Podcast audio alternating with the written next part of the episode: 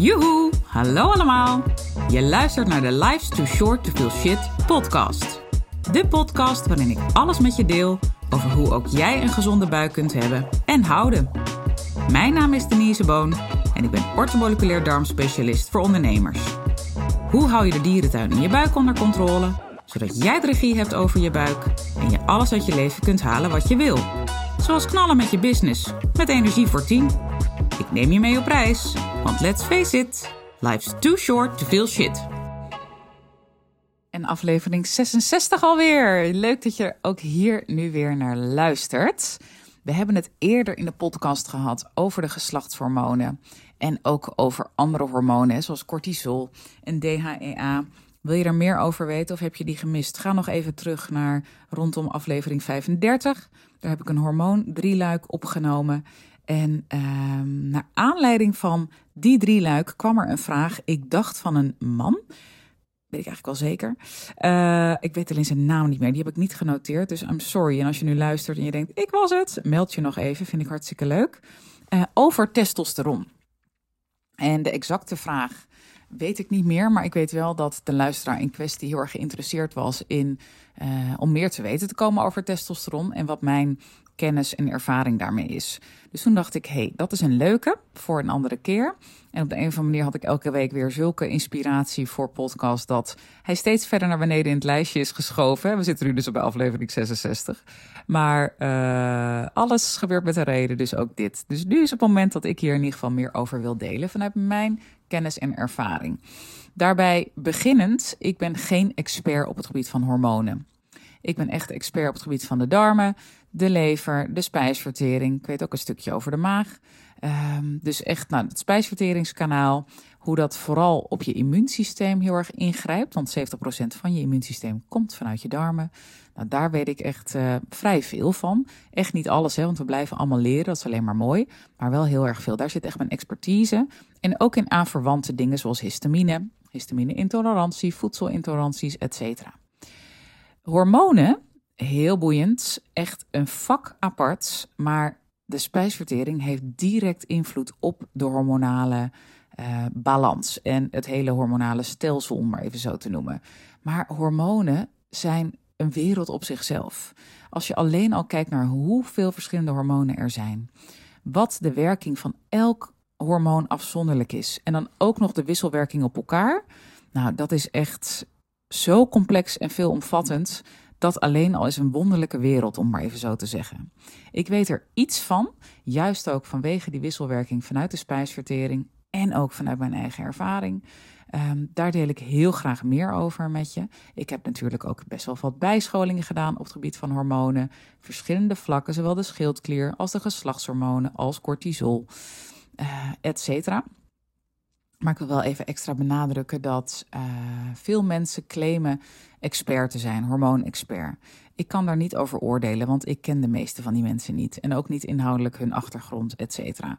Maakt me ook niet uit. Ieder moet zijn ding doen. Zorg er wel voor dat stel voor, jij gaat met een hormoonexpert aan de slag. Kijk naar waar iemands expertise binnen de hormonen ligt. Want ik geloof er zelf niet in, in dat je expert kan zijn op het gebied van alle hormonen.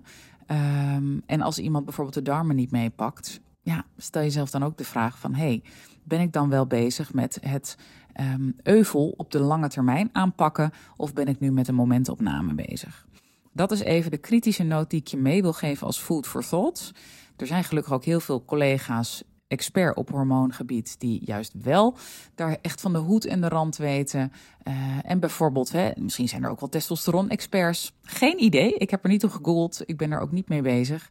Uh, maar ik denk dat er heel veel winst te behalen valt, ook binnen het hormonale vlak, qua expertise. En ik zou het heel tof vinden als er mensen zijn die zich ook echt durven te specialiseren in één enkel hormoon. Of in ieder geval een, een deelgebied van de hormonen. Want vaak zijn er meerdere hormonen die daarop ingrijpen. Uh, en dat ze dat uitlichten. Nou, als jij nu luistert en denkt: hé, hey, ik ben hormoonexpert en dit is een food for thought. Als je met me erover wil sparren, meer dan welkom. Let me know. Vind ik altijd leuk om mee te denken.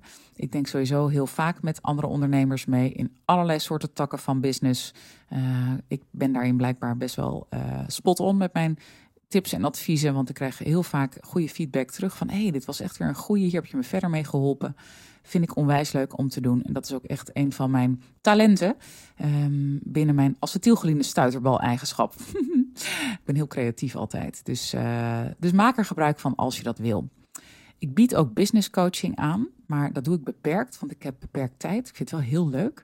Dus mocht je daar ook echt meer een deep dive in willen, dan kan dat ook. Maar goed, dat is niet waarom ik deze podcast opneem. Ik wijk weer een beetje af, maar vanuit enthousiasme. Maar ik wil je dus wel alvast de complexiteit van hormonen meegeven. En daarin, hè, wees kritisch. Sowieso bij alles en iedereen, hè? ook bij mensen zoals ik en collega's van mij. Wees kritisch. Wie heb je voor je? Wie kan mij verder helpen? En heb ik een klik met die persoon? Heel erg belangrijk. Anders heeft het geen zin om verder te gaan met elkaar. Terug naar testosteron. Wonderlijk hormoon ook weer. En uh, daarin wil ik meerdere dingen met je delen. Onder andere wat dit wonderlijke hormoon voor je doet. Dat heb ik ook in de omschrijving van de podcastaflevering gezet. Dat is echt even lekkere triggerende kop natuurlijk. Daar ben ik heel erg van. Je kent mij al langer dan vandaag. Uh, dus daar gaan we zo meteen even wat dieper op in. En die heb ik dit keer wel even onder elkaar gezet in een lijstje. Want ik ken mezelf, als ik alleen maar in die microfoon ga blaren, dan vergeet ik bepaalde dingen. Dat vind ik zonde. En daarnaast wil ik ook met je delen wanneer het testosterongehalte vanuit de vrouw gezien het hoogst is per maand. Dus dat vind ik een hele interessante. Uh, dus sorry heren, maar ik zoom nu even in op de vrouw. En uh, ook, wat is nou de meest natuurlijke en ook langdurige manier waarop jij meer testosteron, testosteron sorry, kan aanmaken? Ga ik ook met je delen. Dus ik heb een paar cliffhangers voor je. En we gaan lekker starten met wat het wonderlijke hormoon testosteron zoal voor je doet. Um, stiekem begin ik toch net even iets anders. Want ik bedenk me dat niet iedereen weet dat ook vrouwen testosteron hebben en ook heel hard nodig hebben. We denken vaak oestrogeen, progesteron. Nou, daar houdt het wel een beetje bij op hè, met de vrouwelijke geslachtshormonen. Um, nee, niets is minder waar. We hebben dus ook testosteron en ook nog een vierde, DHEA. En DHEA wordt ook wel verjongingshormoon genoemd, is ook de tegenhanger van cortisol heel veel mechanismen in het lichaam werken met een feedbacksysteem. Zo ook bij cortisol. Uh, we moeten natuurlijk niet hebben dat het alleen maar hoog blijft. Dat moet ook weer afgebroken worden. Complex mechanisme waaronder andere je lever bij betrokken is. Maar zeker ook uh, het wonderlijke hormoon DHEA. Misschien moet ik er ook een keer een aparte podcast over opnemen, bedenk ik me nu. Kan ik ook wel uh, een kwartier mee vullen. Nou, even een note to self. Misschien komt hij er dus aan. Lijkt dat je interessant? Deel het met me. Hè? Dus hoe meer mensen erop stemmen en zeggen: ja, dat wil ik, de, hoe grotere kans dat die in de podcast komt. Dus dit is even een vraag aan jou. Maar die DHEA die wordt dus heel vaak ook vergeten bij de vrouwelijke geslachtshormonen. Terwijl het ook een hele belangrijke speler is. Juist ook als een verjongingshormoon um, of met een verjongingsmechanisme. Zit je wat lager in je DHEA, dan heb je sowieso al een uitdaging qua cortisol, hè, om die meer in balans te houden. Dus dan ben je al vatbaarder voor dat je constant aanstaat en dat je constant, uh, dat je lichaam in ieder geval constant uh, verhoogde stresservaring heeft. Um, ja, en dat is sowieso natuurlijk iets wat je liever niet wil. Dus je kan het zien als, um, als DHA wat lager is, dat je door je reserves heen gaat. En dat je hè, ook een korter lontje kunt krijgen. Nou, er zijn heel veel symptomen die je daaraan kunt merken, maar dit is er één van. Um, en ook ja, dat het een beetje op eierschalen lopen voelt, op heel veel vlakken. En dat is vaak ook het lastige, zowel bij de neurotransmitters als bij hormonen. Er zijn zoveel klachten en symptomen die je daarin kunt merken als je neurotransmitters lager zijn, je hormonen lager zijn, um, wat daar een signaal in kan zijn. Maar het is echt zo'n complexe puzzel wat alleen maar op elkaar ingrijpt. Dat als ik dat nu allemaal opnoem, hè, vermoeidheid is bijvoorbeeld een hele belangrijke. Um, een lager libido ga ik je zo meer over vertellen. Uh, niet lekker in je vel zitten, hè, weinig zelfvertrouwen. Wat meer een grijze muis zijn, bijvoorbeeld in meetings. Hè, je hand niet op durven steken. Uh, weinig focus hebben, minder breinenergie.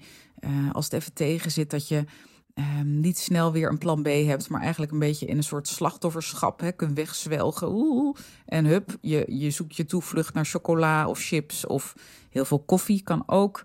Nou ja, ik noem er toch even een paar om je een beetje daarin te inspireren.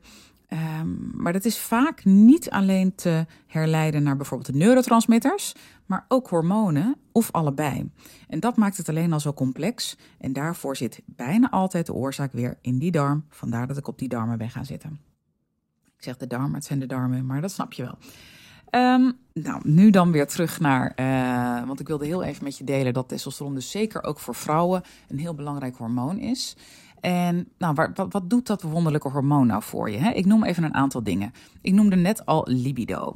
Dus een hoge seksdrive hebben, of eigenlijk een gezonde seksdrive hebben, is heel belangrijk. En ook wat de natuur voor ons in petto heeft en ons toewenst. Hè? Want ik vind zelf niks leukers dan een goed potje seks.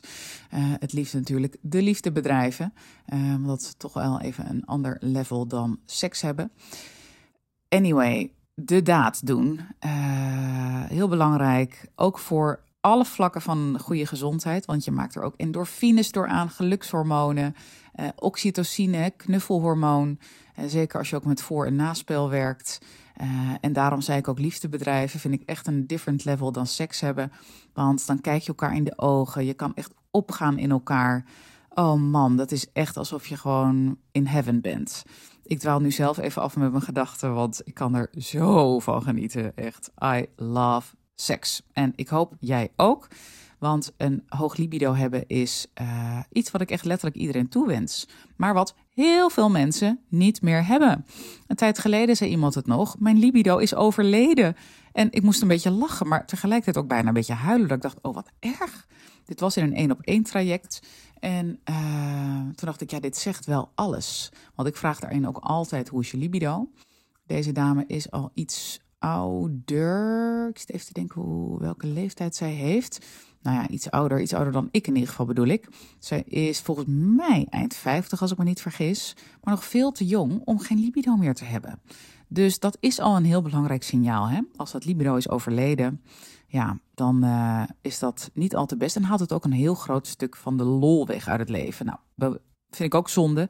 Als we hier toch zijn op deze aardkloot, let's have fun. Uh, en dit hoort daar ook bij. Vruchtbaarheid, ook zo één. Je hebt juist ook testosteron nodig om goed vruchtbaar te zijn. En dat is ook waarom zo meteen na uh, het lijstje met wat het wonderlijke hormoon voor je doet, uh, waarom je ook merkt wanneer uh, je testosteron op zijn hoogst is als vrouw. Maar dat ga ik je zo meteen vertellen, dat is een kleine cliffhanger.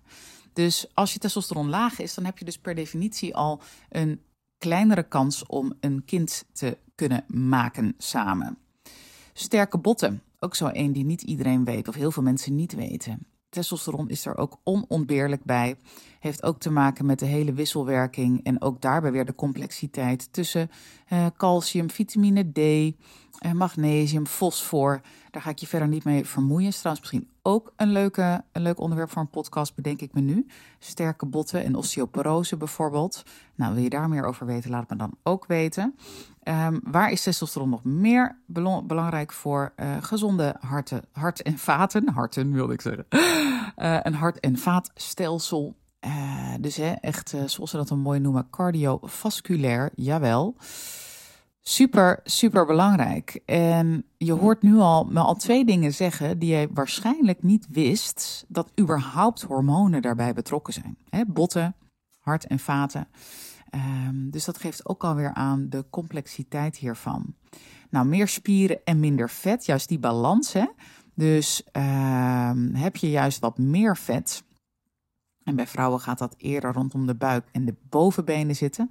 Dat heeft vaak ook relatie met oestrogeen, ander geslachtshormoon van de dames. Um, en als je te veel oestrogeen hebt ten opzichte van de andere drie, maar met name ten opzichte van testosteron en progesteron, dan heb je het over een oestrogeendominantie. In het bijzonder natuurlijk de ratio tussen oestrogeen en progesteron, by the way.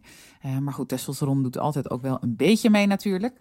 Um, dus, uh, maar het hoeft zich niet altijd daarin te uiten. Want hoe vaak ik ook alweer daarin de uitzondering niet heb gezien dat er hele slanke dames bij mij kwamen die echt niet te veel vet rondom bovenbenen of buik hadden, maar die toch een verstoorde hormoonbalans hadden en dus een oestrogeendominantie in hun geval. Dus daarin sta je niet blind op de lijstjes via internet. Ehm, laat het meten. Je weet het, ik ben groot voorstander van meten is weten. Ik zet altijd labonderzoeken in bij mijn één op één uh, klanten.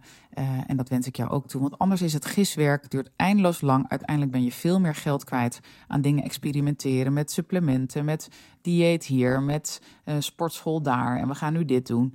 Um, ja, en op het moment dat je het weet en ook met een professional werkt die je daarin kan helpen met gerichte adviezen, ja, dan zit je in zo'n accelerator. Dan ga je echt skyrocket. En dat is natuurlijk wat ik je ook toewens. En wat ook veel efficiënter dus uiteindelijk is. Energie ook een belangrijke. Hè? Testosteron heb je ook gewoon nodig voor een goede energiehuishouding. En je weet het inmiddels misschien wel. Ik ben echt een beetje een energy rebel. Uh, mijn energie gaat altijd echt wel behoorlijk door het dak, als bijna altijd. Ik ben ook gewoon een mens. Maar mijn energie is in ieder geval heel erg hoog. En mijn testosteron is over het algemeen ook erg hoog. Uh, ik heb ook een hoog libido. Um, ben echt gezegend met uh, een goede vruchtbaarheid. Want beide kinderen um, nou, hebben we weinig moeite voor moeten doen om ze te maken. Natuurlijk is dat een samenspel van twee mensen. Dus het ligt niet alleen aan mij. Maar het helpt natuurlijk wel mee. En voor de rest herken ik me ook niet in zwakke botten of uh, een slecht hart-vaatstelsel. Uh, nou, ik heb wel iets meer vet op het moment dat ik zou willen, dus daar zit nog wel even iets voor me. Maar goed, dat heeft ook te maken met de mate waarin ik beweeg. En dat kan echt wel beter. Dat zeg ik even heel eerlijk. En dat wil ik ook wel beter doen. Dus daar zit voor mij nog een mooie uitdaging. Maar dat is alleen maar goed. We hebben allemaal onze uitdagingen. Uh, energie zit dus wel goed. En als laatste wat ik met je wil delen, zelfvertrouwen. Op het moment dat je veel testosteron hebt, of in ieder geval goed in je testosteron zit, want je moet ook weer niet te veel hebben, dan heb je ook veel zelfvertrouwen.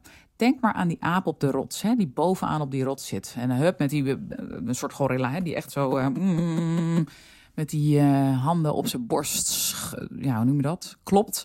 En heel erg van brullen van hier ben ik en ik ben hier de leider. Nou, ik kan je vertellen, die aap die barst van de testosteron. Uh, en barst dus ook van het zelfvertrouwen. En niemand in die hele uh, clan daar denkt van nou, ik ga even die aap even aanvallen. Althans, dat kunnen ze wel denken en doen. Maar bijna altijd delven ze dan het onderspit. En daarin is testosteron een hele belangrijke speler. Nu zijn wij natuurlijk geen aap op een rots, maar je kan wel de vergelijking maken. Denk aan een meeting met collega's. En die ene collega die altijd het hoogste woord heeft. En die ook alles durft in te brengen. Of uh, misschien ook wel een businesspartner, kan natuurlijk ook. Hè? Um, of dat je uh, een klant hebt. Je bent ondernemer en je komt bij een klant en je denkt: Oh, die weet altijd zo alles goed te vertellen. En uh, die is zo vol vertrouwen. Je, je voelt het gewoon. Hè? Het straalt echt van iemand af. Nou, ik kan er altijd erg van genieten. Het kan ook wel best wel intrigerend zijn, zeker als je zelf wat lager in je testosteron zit. Maar dat is even voor jezelf om bij jezelf dat te checken. En als je in dit lijstje wat ik net met je heb gedeeld, dat er een paar dingen bij zitten, of is er maar één waarvan je denkt, hey, dat kan wel eens een signaal zijn, onderzoek het. Doe speekselonderzoek. Dat vind ik de beste manier om de geslachtshormonen in kaart te brengen. Bloed is een ander level. Um, over het algemeen heb ik in ieder geval altijd geleerd dat speeksel de actieve hormonen meet en bloed de inactieve. Uh, en bijvoorbeeld bij de geslachtshormonen is het ook belangrijk wanneer in je cyclus je de um, afname doet van speeksel. Um, ik heb het nu even over de vrouw natuurlijk, want uh, dat is ook nog even iets wat ik met je wil delen. Dat zei ik net al even als een soort cliffhanger. Van wanneer is nou bij ons vrouwen de testosteron het allerhoogst in onze cyclus? Nou, dat zal je niet verbazen, aangezien ik ook libido en vruchtbaarheid heb genoemd. Uh, dat is rond je ovulatie. Dus bij de meeste dames is dat rond de dag 14. Begint meestal al de dag ervoor. Het is meestal een paar dagen, niet maar één dag. Maar rondom de veertiende dag van je cyclus, dan is de testosteron het hoogst. Waarom? De natuur zit natuurlijk wonderlijk in elkaar en wil ook dat jij je voortplant. Dus dat je zoveel mogelijk zin hebt in seks op het moment dat de kans het grootst is dat jij een kind kan verwekken met uh, je partner.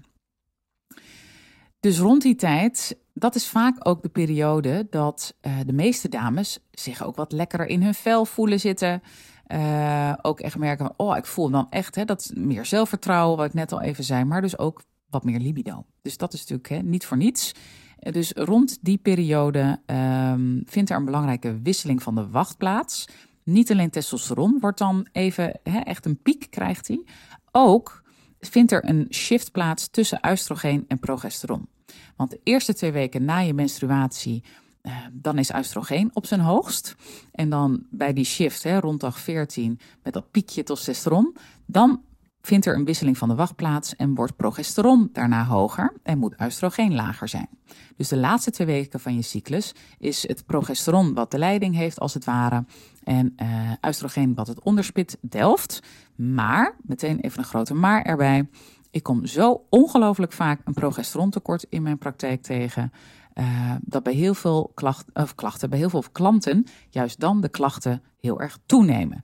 Pijnlijke borsten, PMS, pijn in je rug, enorm zin in zoet. Dat is trouwens sowieso ook wel iets gezonds hoor. Voor uh, in ieder geval in de week voordat je uh, menstruatie begint, of in ieder geval de dagen ervoor. Um, heeft ook weer te maken met je insulinehuishouding ten opzichte van progesteron of onder invloed van progesteron. Dus dat is in principe normaal. Niet een extreem hoge zoetbehoefte, maar een beetje wat meer zin in zoet, terwijl je dat misschien normaal niet hebt. Dat is heel logisch. Um, maar goed, als je dus denkt, oeh, dat herken ik wel, ook die pijnlijke borsten en zo. Ja, ga je dan, ga dan echt bij jezelf te raden en zie dit weer als een signaal van je lichaam, want het praat met je. En laat het onderzoeken bij een goede hormoonexpert. Of een darmtherapeut die daar ook mee werkt en die daar dus ook gedegen bijscholing over heeft gedaan. Zodat je ook aan de oorzaak, wat er aan ten grondslag ligt, kan werken. Want dat is dus echt even een hele belangrijke. Laatste wat ik met je wil delen in deze podcast, ik noemde hem aan het begin al even, is uh, op welke manier, op welke natuurlijke manier jij meer testosteron kunt aanmaken. Nou, daarvoor is krachttraining het meest effectief gebleken. Twee keer in de week een half uur schijnt het allerbeste te werken. Ga je langer dan een half uur uh, aan de bak, dan uh, maak je lichaam veel meer cortisol aan. Dus dan ga je over in een cortisolmolen, kom je in een ander hormonale uh, gebied terecht. En dat wil je juist niet, want je wil niet continu aanstaan. Dus een half uur intensieve krachttraining schijnt dus ideaal te zijn. Uh, dus de, de, hoe noemen we dat, de warming-up en zo telt niet mee. Het gaat echt om die krachttraining zelf. En krachttraining is wel, wel degelijk heel anders dan cardio. Dus uh, dat zijn echt twee losse dingen. Met cardio kun je dat niet zo opvijzelen, in ieder geval niet zo goed als met krachttraining. Of nee, gewoon niet. Het is gewoon een hele andere manier van bewegen. En ook andere mechanismen worden dan in werking gezet. Dus het gaat echt om krachttraining. En kijk daarin wat voor jou werkt. En denk je nu, oeh, maar ik doe veel langer dan een half uur. Probeer eens een tijd om je echt tot het half uur daaraan te houden. En uh, ga misschien daarnaast juist wel ook nog wat cardio doen. Hè? Je hoeft niet dan te stoppen. Als je denkt, oh, maar daar baal ik zo van en ik wil niet minder sporten. Uh, kan. Elke dag trainen zou ik sowieso niet doen. Hè. Geef je lichaam ook de tijd om te rusten. Is ook qua histamine niet al te best. Uh, hoe heet het? Sporten zet sowieso histamine aan. Activeert dat meer. En stel voor, je lichaam staat vaker aan, wat sowieso je daarmee al eerder bewerkstelligt. Dan is het ook lastiger voor je lichaam om ook die histamine weer af te breken. Want als je lichaam meer in de aanstand staat, dan is de kans op een histamine-intolerantie per definitie al groter. Daarover een andere keer meer. Ik ga het hierbij laten, want ik zit al op de 22 minuten, zie ik. En uh, ik heb eigenlijk mijn belangrijkste boodschappen met je gedeeld. Is het waardevol voor je? Let me know, want ik zit hier echt maar in mijn eentje in zo'n microfoon te blaren. Kijk nu lekker naar buiten terwijl het regent. Uh, ik vind het onwijs leuk om te doen, maar ik vind het vooral heel erg leuk en belangrijk om van jou te horen wat jij ervan vindt. Ik hoor het graag. Heb een mooie dag en tot de volgende. Dag, dag. Toppers, bedankt voor het luisteren. Leuk dat je er weer was. Smaakt dit naar meer? Abonneer je dan even op mijn podcast. Zo zorg je ervoor dat je geen enkele updates mist en dat jij volledig up-to-date bent over hoe jij je buik gezond houdt with fun and ease. En als mijn afleveringen waardevol voor je zijn, laat hem dan even weten. Vind ik leuk. Je maakt me het meest blij met een korte review via iTunes of Spotify. Alleen het aantal sterren aangeven dat jij de podcast waard vindt is voldoende. Je kunt me ook taggen via Instagram. Bijvoorbeeld door een screenshot te maken van de aflevering en die via je verhalen te delen. Met beide dingen, zowel de rating als de screenshot van de aflevering, maak jij kans op een histamine maandmenu kookboek te waarde van 97 euro. De winnaar maken we bekend in de eerste podcast van de maand. Tot de volgende keer! Thank you.